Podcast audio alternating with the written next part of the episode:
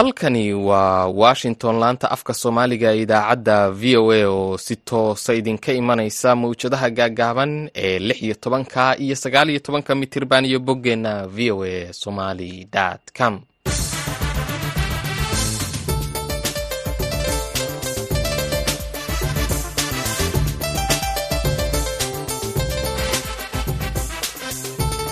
subax wanaagsan dhegeystayaal waa subaxnimo arbaco ah afar iyo tobanka bisha februari ee sanadka labada kun iyo afar iyo labaatanka. Saacadda afrikada bari waxay tilmaamaysaa lixdii iyo badhkii subaxnimo idaacaddeenna saaka iyo caalamkana waxaa halkan idinka daadahaynayaan waa ismaaciil xuseen farjar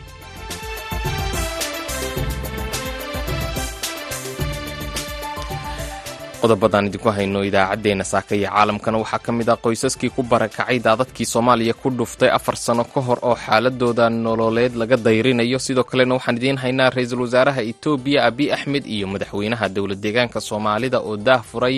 dhismaha xarun cusub oo loogu talagalay dalxiiska ከትናንት ጀምሮ በሶማሌ ክልል በርካታ የልማት ስራዎች መሰረተ ልማት ስራዎች ስናይ laga bilaabo ilaa maalinimadii shalay waxaan soo aragnay horumarka ka socda deegaanka sidoo kale maanta waxaan dhagax dhignay dhismaha xarunta dalxiiska shabeelley ee deegaanka sidoo kale waxaan idiin haynaa xubin ka tirsan xisbiga mucaaradka ee britain oo shaqada laga fadhiisiiyey kadib markii uu eedeyn u jeediyey yuhuudda sidoo kale waxaan idiin haynaa ganacsatada suuqa islii oo ka cabanaya howlgallo ay halkaas ka fuliyeen ciidamada dowladdu waxaan kale oo aan barnaamijkeenna subaxnimo ka madhnayn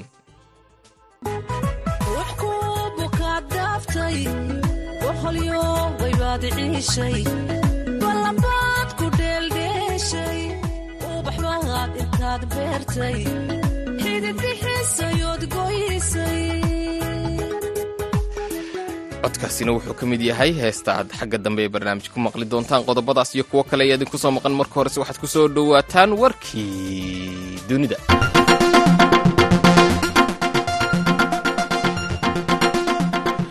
Aqalka sare ee senatka ee maraykanka ayaa salaasadii meel mariyey lacag gargaar ah oo la siinayo ukrain israa'iil iyo taiwan waxaana ogolaaday toddobaatan mudane oo ka mid a boqolka mudane ee uu ka kooban yahay golahaasi madaxweynaha dalka maraykanka jo biden ayaa ugu baaqay aqalka hoose ee maraykanku inay si deg deg ah u meel mariyaan lacag gargaar ah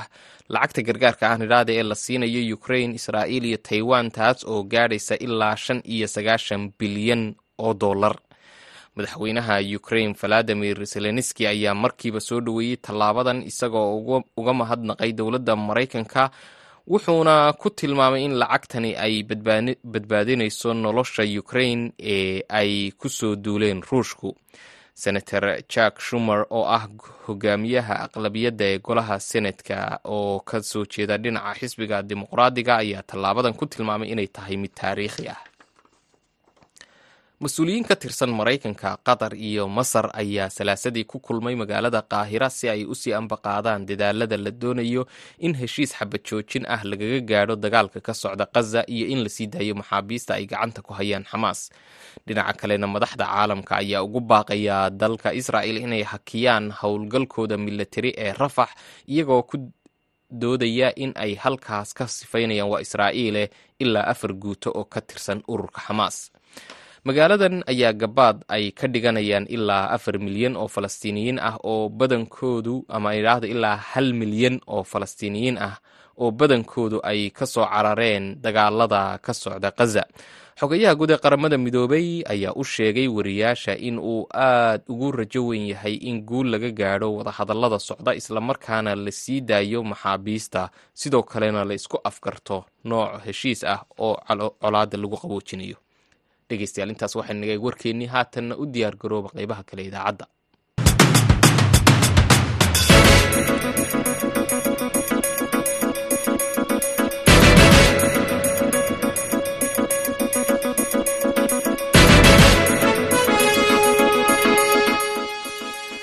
Subax wanaagsan dhegeystayaal laanta afka soomaaliga ee v o ayaad nagala socotaan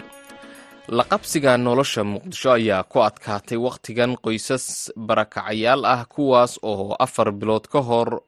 qaar ka mid ah gobollada dalka uga soo barakacay daadadkii eliniino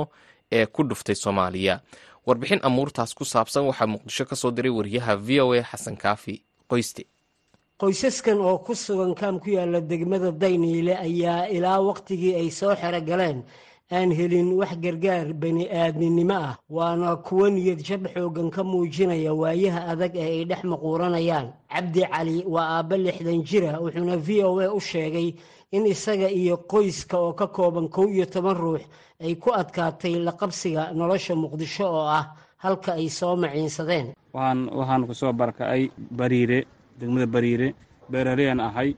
Wixii sanadkan tacba jirna ama ku noolan lahayd ama ilmaha laga bixin lahay biyaha nagu soo gooyey. Ilmihii hamar kula soo orodnay waxaan joognaa degmada dayniile. Gaajadii aanu ku soo baxanay al'aana ku sugnahay. Ilmihii magaalka ma kala kasaayaan waxaa laga shaqaysana leeyahay god iyo iisheeg laga shaqaysana gudayguday gudaygudaygii ilmihii magaalkii ma waa ku soo laabanayaan subaxdii waa baxayaan badilkooda qaadanayaan waa baxayaan waa ku soo laabanayaan ilmo yareeraan qabaa lixdan jiraan ahay. Ilmo toban iyo afaraan dhalay. Afar allah naxariis waa waa iga sagiiran tobana ii joogto tobankii saddex waaweyn ah todoban waa yaryar yihiin. Todobadii wax ana siinaya ma haayo. Wixii ana sii lahayo badarkii oo maqaasho ii sheeg todobaatan iyo meelahaas ii maraayaan igu go-een. Wax ana siinaya mare siicada samafalka waxaan ku codsanaynaa. Inaa nagu soo aabiyaan. Qoysaskan ayaa sidoo kale wajahaya dhibaato dhanka hoyga ah waana kuwo dalbanaya baca ay ku dataan aqalada cooshadaha ka samaysan ee hoyga u ah. Waatan xaliimo maadey. Buush bac ma loo haayo wax la unaayo ma leh ilmihii waa dandaraysan yihiin waa rafaadsan yihiin dhar ma qabno wax la unaayo ma qabno meel aan ku bilaawno ma hayno. Waddankii aan joogna waana laga soo shabi. Ilaahay daruurtiisa dadka soo shabay si ol mana soo galan. Abaar kale mana soo dhayn laakiin aaran ilaahay aafili jirtaa imaati biyi haddii dad dileen oo hoola didileen oo macaragti dhar daadiyeen oo cunta qaadeen marka naftaayna la soo baxsani batuulo maxamuud oo ka mid a barakacayaasha ka soo hayaamay magaalada baydhabo ayaa si kooban uga hadashay safarkii ay ku soo beegsatay muqdisho iyadoo dhanka kalena ka dayrisay xaaladda nololeed ee ka jirta kaamka ay ku sugan tahay. Samaysiin odsadaane walaalaha masluunka eh. Baydhabo umudo ka dandarowtay ka ena owlaado ka silacsan oo ersaagna nin hayna oo cuntana nin hayna oo geega meelo ka silacsanayanga ena meelyaha kubani xawo maxamed oo ah horjoogaha kaamka ay qoysaskani soo maciinsadeen ayaa ka warbixisay goobaha ay dadkani ka yimaadeen iyo dhibaatooyinka haysta waxaanay dowladda iyo hay'adaha samafalkaba ka codsatay in gargaar bani aadminimo lala soo gaaro barakacayaashan dadkaas walaalka ah muxuu ahay annaga waa nagu soo hirteen meel bannaanoo iska soo fadhiisteen annaguna waxa hadda aan qaban karno weyna waa u qabana aan leenaha ma jiraan dadkaas walaalka waxay ka yimaadeen qaar waxay leeyihiin baydhabaan ka nimid qaar waxay leeyihiin beledweynaan ka nimid qaar waxay leeyihiin baardheeraan ka nimid qaar waxay leeyihiin nawaaxiga afgooyo tuulooyinkan ka nimid webigaa nagu soo fatahmay in dadkaas soomaaliyeed oo jooga degmada dayniile waaxda halgan kaamka iidle in walaalnimo iyo il naxariiseed lagu wada fiiriyo wixii loo gali karana loo galo. Gudaha soomaaliya xaaladaha adag ee ka jira dalka ayaa soomaali badan ku qasabtay inay ka soo barakacaan guryahooda iyadoo badi dadkaasina aanay helin garab istaag muuqda. Waana sababaha keenaya inay ku adkaato la qabsiga nolosha goobaha ay soo magansadeen taasoo ugu dambayn dhaxal siisa welwel iyo duruufo ka daran wixii ay ka soo hayaameen. Xasan kaafi qoyste v o a muqdisho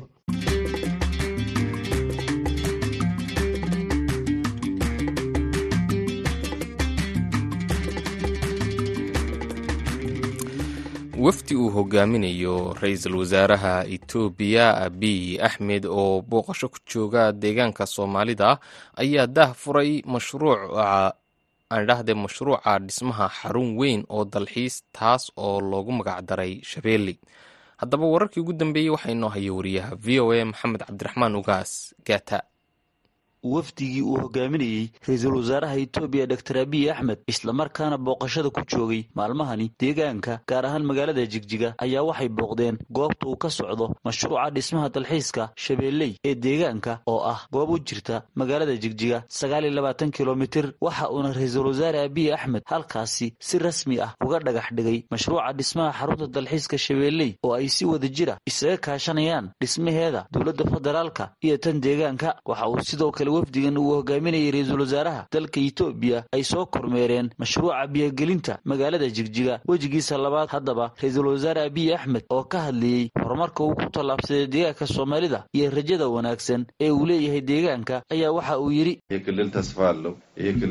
ይህ ክልል ተስፋ አለው። ይህ ክልል ጥሩ ሊደርሺፕ አግኝቷል። ህዝቡ ሰላም አግኝቷል። deegaankan waa deegaan leh rajo weyn deegaankan waxa uu helay hoggaan wanaagsan shacabku waxay heleen nabad waxay ahaan jireen bahwadaag laakiin hadda waxay noqdeen tusaalaha laga barto horumarka ra-iisul wasaare abiy ayaa yidhi waxaa dhammaanteen waxaan ku faanno ah in deegaanka soomaalida loo imanayo khibrad iyo aqoon iswadaarsi taasina waxaa xushmad iyo mahadnaq ku leh ayuu yidhi madaxweynaha deegaanka mustafe maxmed cumar dhammaan waxaan u mahadcelinayaa ayuu yidhi ra'iisul wasaare abiy axmed xukuumadda iyo shacabka deegaanka. Kadib waxa uu ra'iisul wasaare abiy axmed oo ay wehelinayaan marwada koowaad ee dalka iyo madaxweynaha deegaanka mustafe maxamed cumar xarigga ka jareen warshadda furunka iyo daqiiqda taas oo ay hirgelisay xafiiska marwada koowaad ee dalka marwa sinaash tayajow waxaana warshadan loogu talagalay inay ka faa'iidaystaan dadka danyarta ah ee deegaanka hoosna loogu dhigo sicir bararka waxayna maalinkii soo saari kartaa warshadani saddex boqol oo kun oo xabo oo rooti ah. Ra'iisul wasaaraha jamhuuriyadda dimuqraadiga federaalka etoobiya doctor abiy axmed oo munaasabadii xadhigka jarka ka hadlay ayaa waxa uu ka warramay waxyaabihii uu soo arkay muddadii uu ku sugnaa deegaanka ከትናንት ጀምሮ በሶማሌ ክልል በርካታ የልማት ስራዎች መሰረተ ልማት ስራዎች ስናይ laga bilaabo ilaa maalinimadii shalay. Waxaan soo aragnay horumarka ka socda deegaanka. Sidoo kale maanta waxaan dhagax dhignay dhismaha xarunta dalxiiska shabeelley ee deegaanka. Goobtan aan maanta dhagax dhignay waa goob aad u qurux badan ayuu yidhi ra'iisul wasaare abiy axmed. Mashruucan waxaan ku rajo weynahay intaan dhammayno inaan sanadka dambe xadhigga ka jarno ayuu yidhi ra'iisul wasaare abiy axmed. Yogeleelidda mashruucan cusub ee dalxiiska kasokow marka laga yimaado ayuu yidhi ra'iisul wasaare abiy axmed in nashqadiisa ay ka turjumayso deegaanka soomaalida haddana waa mid ka turjumaya ayuu yidhi guud ahaan soomaalida oo dhan meel kastoo ay joogaan ee sida dhaqanka iyo habnoleedka waxa uuna yidhi nashqadanka sokow waxa uu muujinayaa kuwa ku nool muqdisho somalilan jabuuti kenya iyo soomaalida kale ee ku nool waddamada kale. Inta ay yimaadaan ayay dhaqankooda si casri ah ugala socon karaan iyagoo muuqaal dhow ku arkaya geela iyo shabeelka. Waxayna xaqiijinaysaa ayuu yidhi ra'iisul wasaare abiy axmed arrintan hiigsiga jigjiga in ay noqoto xarunta soomaalida sidoo kale waxaa isaguna ka hadlay goobta madaxweynaha dowladdeegaanka soomaalida mustafa maxamed cumar isagoo uga mahad celiyey xafiiska marwada koowaad ee dalka mashaaricaha ay ka hirgelisay deegaanka ክብርት ቀዳማዊት እመቤት ዝናሽ ታያቸው ከአሁን በፊት ለጅጅጋ ከተማ ለሶማሌ ክልል ሁለት ትምህርት ቤት አበርክቶ በሶማሌ ክልል ሕዝብና መንግስት ስም ከልብ እናመሰግናለን። hadda ka hor marwada koowaad ee dalku waxay magaalada jigjiga ka dhistay laba dugsi kuwaas oo ay hadda wax ka bartaan in ka badan laba kun oo arday. Waxa uu sidoo kale sheegay madaxweyne mustafe in warshadan furunka iyo daqiiqda ee xadhigga laga jaray ay door muhiima ka qaadan doonto kor u qaadidda nolosha bulshada deegaanka. Ugu dambayntii ayuu yidhi madaxweyne mustafe aniga oo ku hadlaya magacayga iyo magaca bulshada deegaanka ayaa waxaan si kaliya laab ah idinku mahad celinaynaa dhisidda warshada cusub ee furunka iyo daqiiqda ee deegaanka soomaaliya aad ka hirgeliseen dhankeeda. Waxaa iyaduna ka hadashay mashruucan warshada furunka iyo daqiiqda ee xadhigga laga jaray marwa zinaash oo ah marwada koowaad ee dalka islamarkaana xafiiskeeda maalgeliyey warshadani cusub ee xadhigga laga jaray waxayna tilmaamtay in dhowr sanno ka hor ay halkan yimaadeen islamarkaana ay dhiseen laba dugsi. Sidoo kalena xustay in maanta ay xadhigga ka jarayaan warshada furunka iyo daqiiqda oo ay sheegtay inay tahay mid wax weyn ku soo kordhin doonta deegaanka. Haddaba wafdigii uu hogaaminayey ra'iisul wasaaraha dalka etoobiya doctor abiy axmed ayaa markii ay dhammaysteen howlahoodii shaqo ay u yimaadeen deegaanka soomaalida ayaa waxay dib ugu laabteen xarunta dalka ee magaalada adhis ababa. Maxamed cabdiraxmaan gaata v o a magaalada jigjiga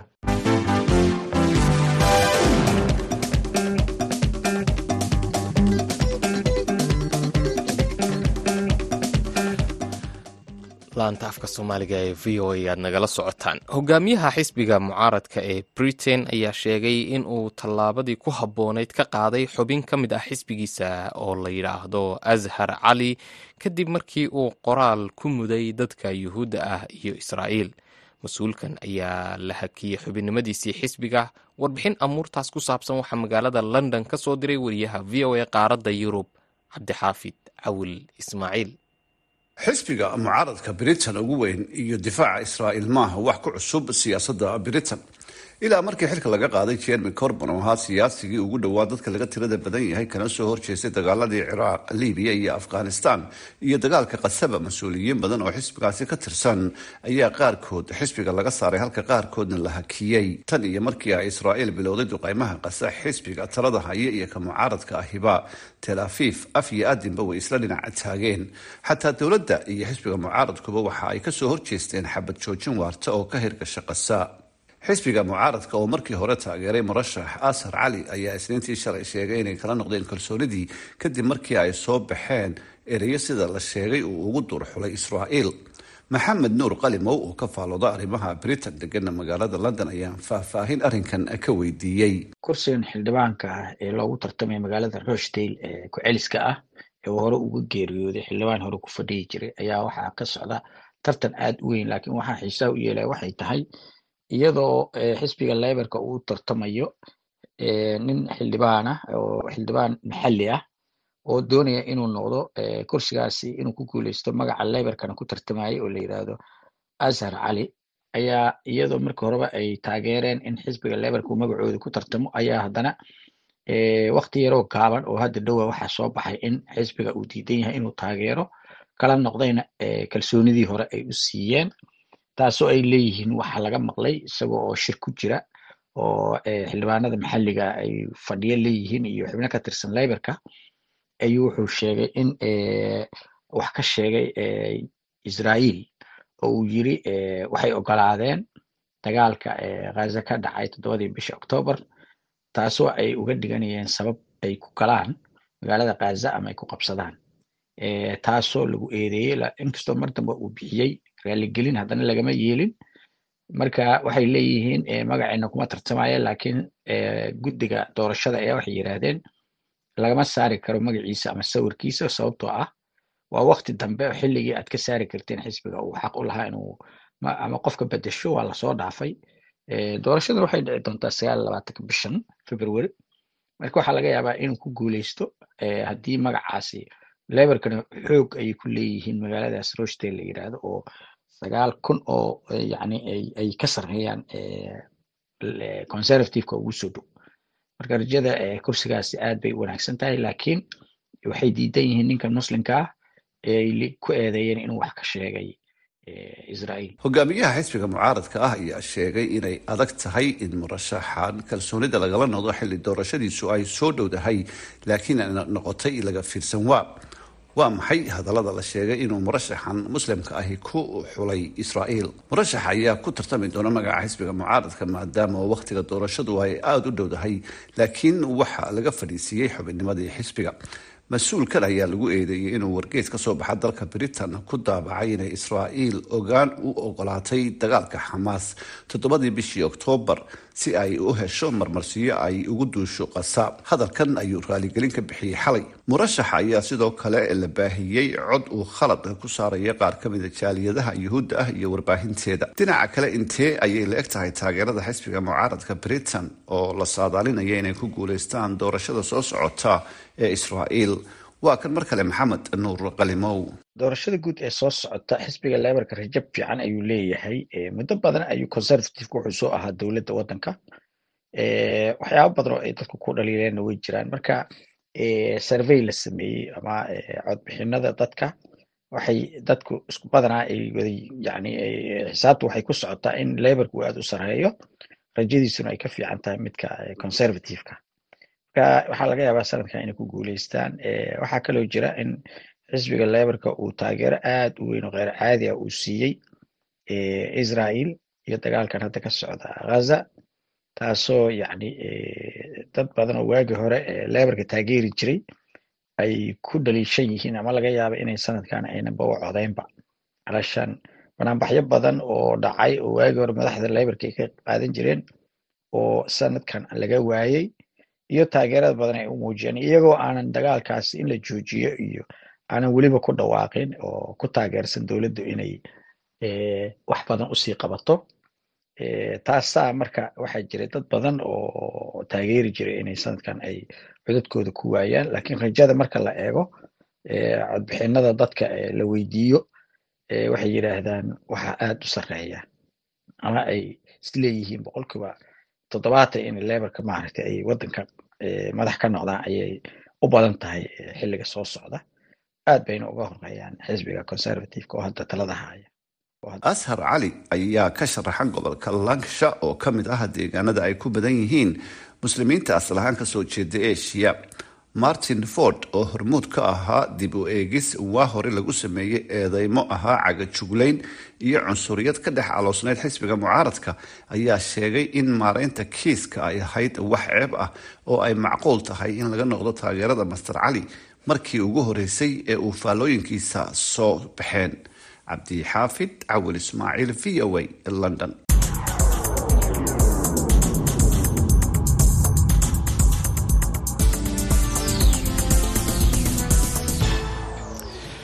ganacsatada soomaalida ee ku sugan magaalada nairobi ayaa sheegay in ciidamo ka socda dowladda dhexe iyo waaxda cashuuruhu inay suuqyada ganacsiga islii inay ka ururiyeen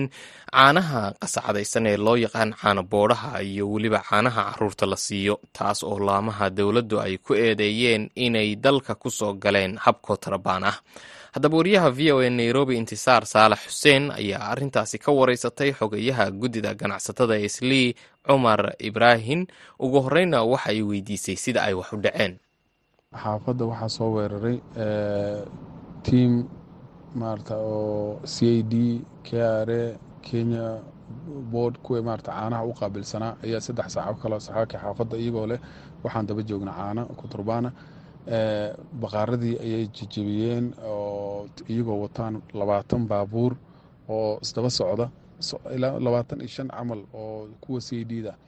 marka waxaa waaye arrintii caanihiina waa rarteen buuq badanna waa ka dhacay. Xaafaddii marka waxaa waaye dadkiina waxaa waaye ayaamahan hadda maanta uguma horreynin ayaamahanba arrintan isbuuc kasta weerarkaas oo kalaa dhici jiray. Marka dadkiina ganacsatadiina waa kaceen foojign macnaha wixii ayay la yaabeen maalin kasta in la soo weeraro oo weerarkana wuxuu ku saabsan yahay aan la fahmi karin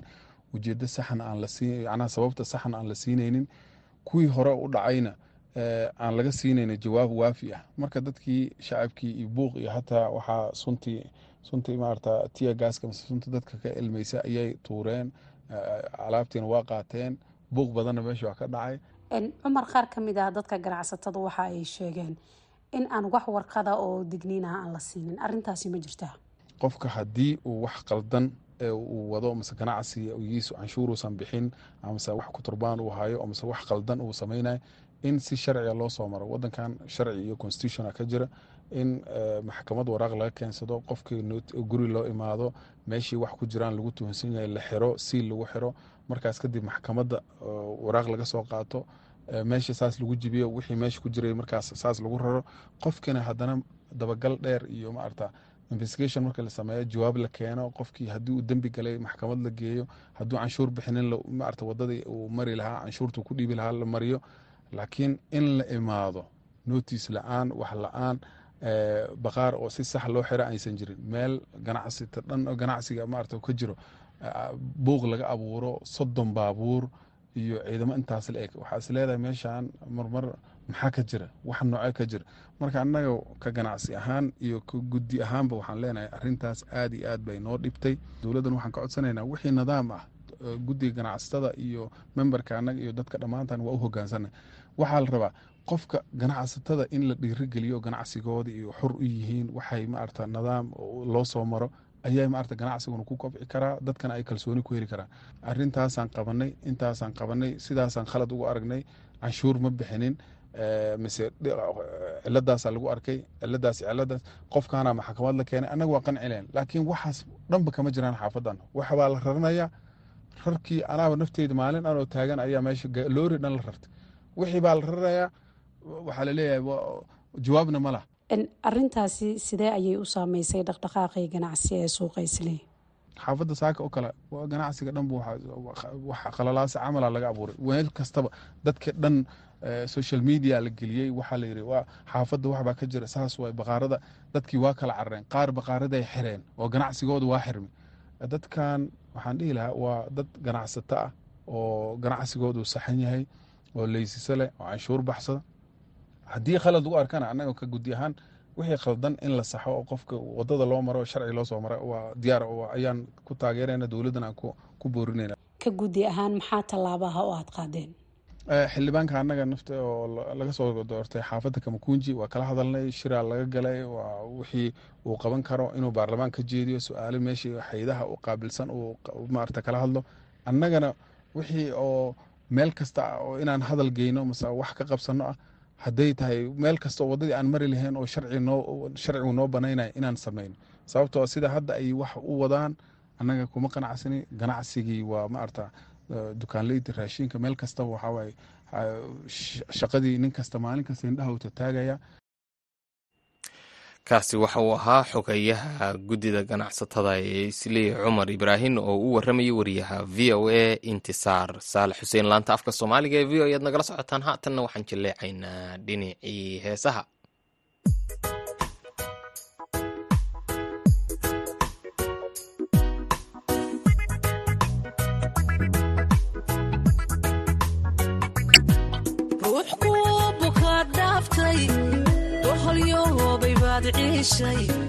ballabaad ku dheeldheeshay ubaxbaad intaad beertay xidid bixisayood goysay.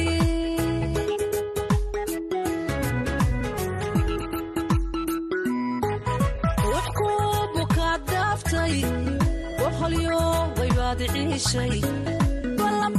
ku dheeldheeshay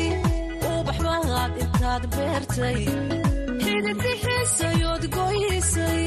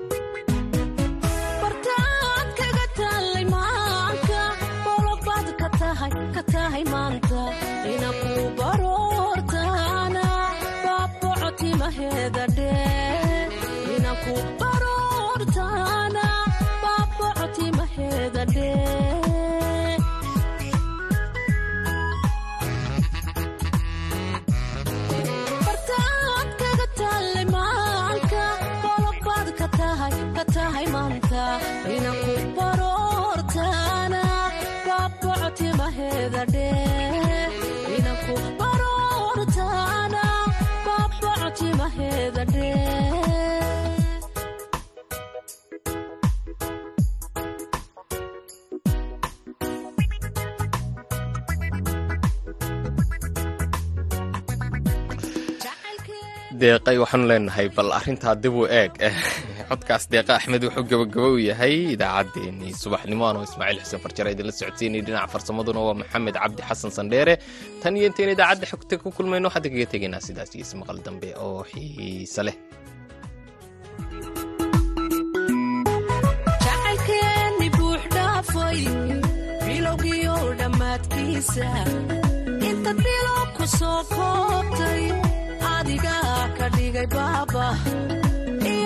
barasha